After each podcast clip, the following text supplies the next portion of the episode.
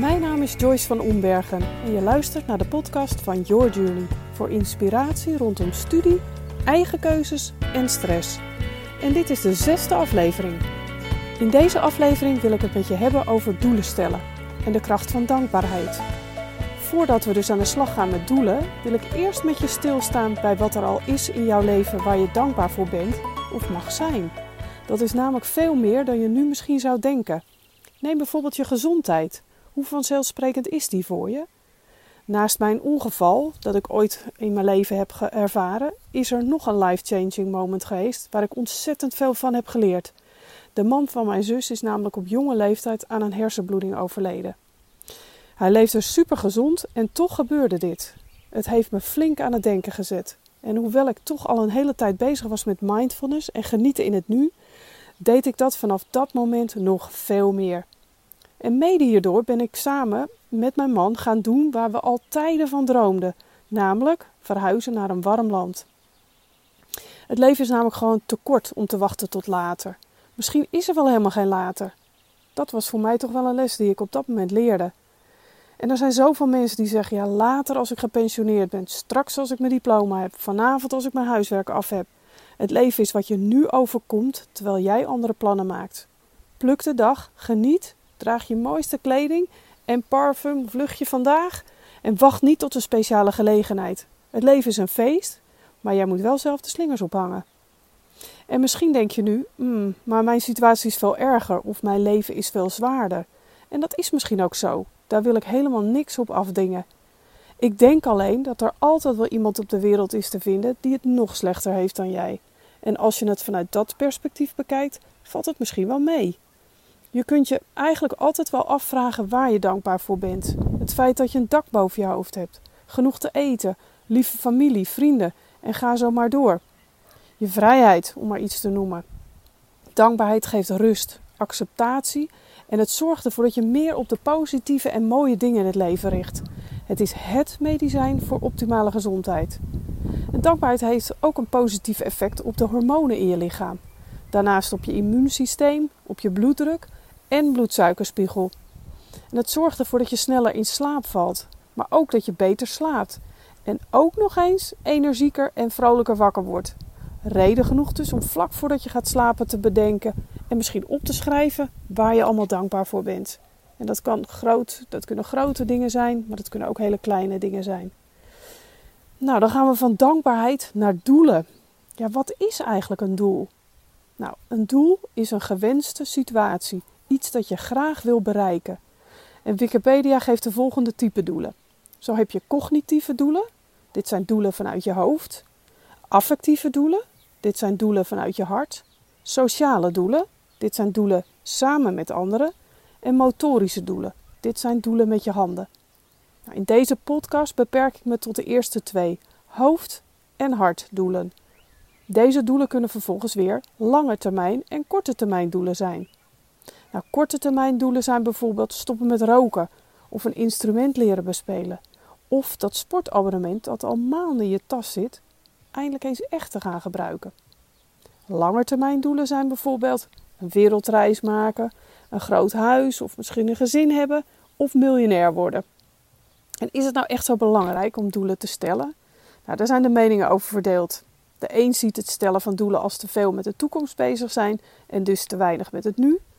De ander komt zonder een vastomlijnd doel zijn bed niet uit en vindt het gewoon belangrijk om bepaalde doelen te behalen in zijn of haar leven. Nou, ik geloof zelf een beetje in beide. Ik leef zoveel mogelijk in het moment. En daarnaast vind ik het prettig om altijd een bepaald doel voor ogen te hebben, hoe groot of hoe klein ook. Het houdt mij scherp, geïnspireerd en ik vind het fijn dat ik door nieuwe doelen ook elke keer nieuwe mensen leer kennen en vaak ook nieuwe dingen. Maar hoe zit dat bij jou? Stel jij jezelf al doelen? Ik weet uit ervaring dat het stellen van doelen je zeker gaat helpen om tot die belangrijke keuze te komen. En misschien weet je dat eigenlijk ook wel en is dat een, van de redenen om naar deze podcast te, te luisteren. Nou, maar hoe behaal je die doelen nou? Nou, één ding helpt zeker en dat is door je doel zo specifiek mogelijk te maken. Wat bedoel ik daarmee, specifiek? Nou, ik geef je een voorbeeld van mezelf. Toen ik naar Spanje ging emigreren was mijn eerste doel als volgt. Ik wil zo Spaans leren spreken dat ik mijn dochter niet nodig zal hebben om te helpen bij het vertalen van de dokter, bij de dokter. Zie je het voor je? Dat is redelijk specifiek, hè? En doordat ik het zo specifiek voor mezelf had gemaakt, heb ik dat doel ook heel snel gehaald. En daarbij hielp het enorm dat ik het doemscenario, wanneer dit niet zou lukken, heel duidelijk op mijn netvlies had. Het was gewoon geen optie voor me. En later stelde ik mijn doelen telkens bij. En inmiddels kan ik, eh, kan ik zo goed Spaans spreken dat ik zelfs kan coachen in die taal. Maar goed, genoeg over mij. Het is nu de beurt aan jou. Zeg dus niet, ik wil nu een keuze maken, maar bijvoorbeeld wel, ik wil voor die en die datum een keuze ten aanzien van mijn studie of bijvoorbeeld werk gemaakt hebben waar ik voor de volle 100% achter sta. Nou, die, die en die datum die moet je natuurlijk dan zelf invullen. Dus bijvoorbeeld, ik wil voor 1 mei 2020 of 21 of wat het ook is, een keuze of een studiekeuze gemaakt hebben waar ik voor de volle 100% achter sta. Nou, zo kun je zelf gaan spelen met dit soort teksten. Maar dat gaat je helpen om je doel specifiek te maken. Nou, om het specifiek te maken kun je de SMART-methode gebruiken. En misschien heb je die op school wel gehad. Ik zal hem nog even herhalen. SMART staat voor specifiek, meetbaar, acceptabel, realistisch en tijdgebonden. Nou, specifiek heb ik net uitgelegd. Meetbaar hoort bij specifiek, maar kun je je doel ook meten. Stel je wil 800 euro gaan verdienen, dan is dat meetbaar. Bij andere doelen is het meten vaak ietsje minder makkelijk. Stel je wil afvallen. Ga je zelf dan wegen of wil je een bepaald kledingstuk weer aankunnen? Acceptabel. Is je doel acceptabel voor jezelf? Maar is er ook draagvlak in je omgeving?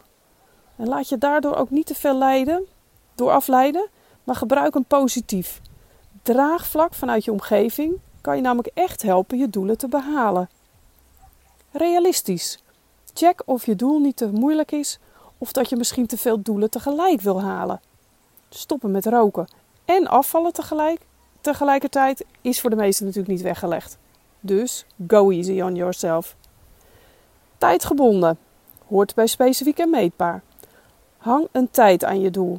Dus bijvoorbeeld over zes weken, aan het eind van het schooljaar, het eind van deze week, etc. Ga er maar eens mee oefenen. Ik wens je daar heel veel succes bij.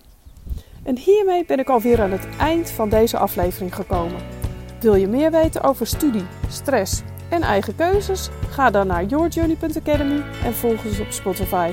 Bedankt voor het luisteren en tot de volgende keer.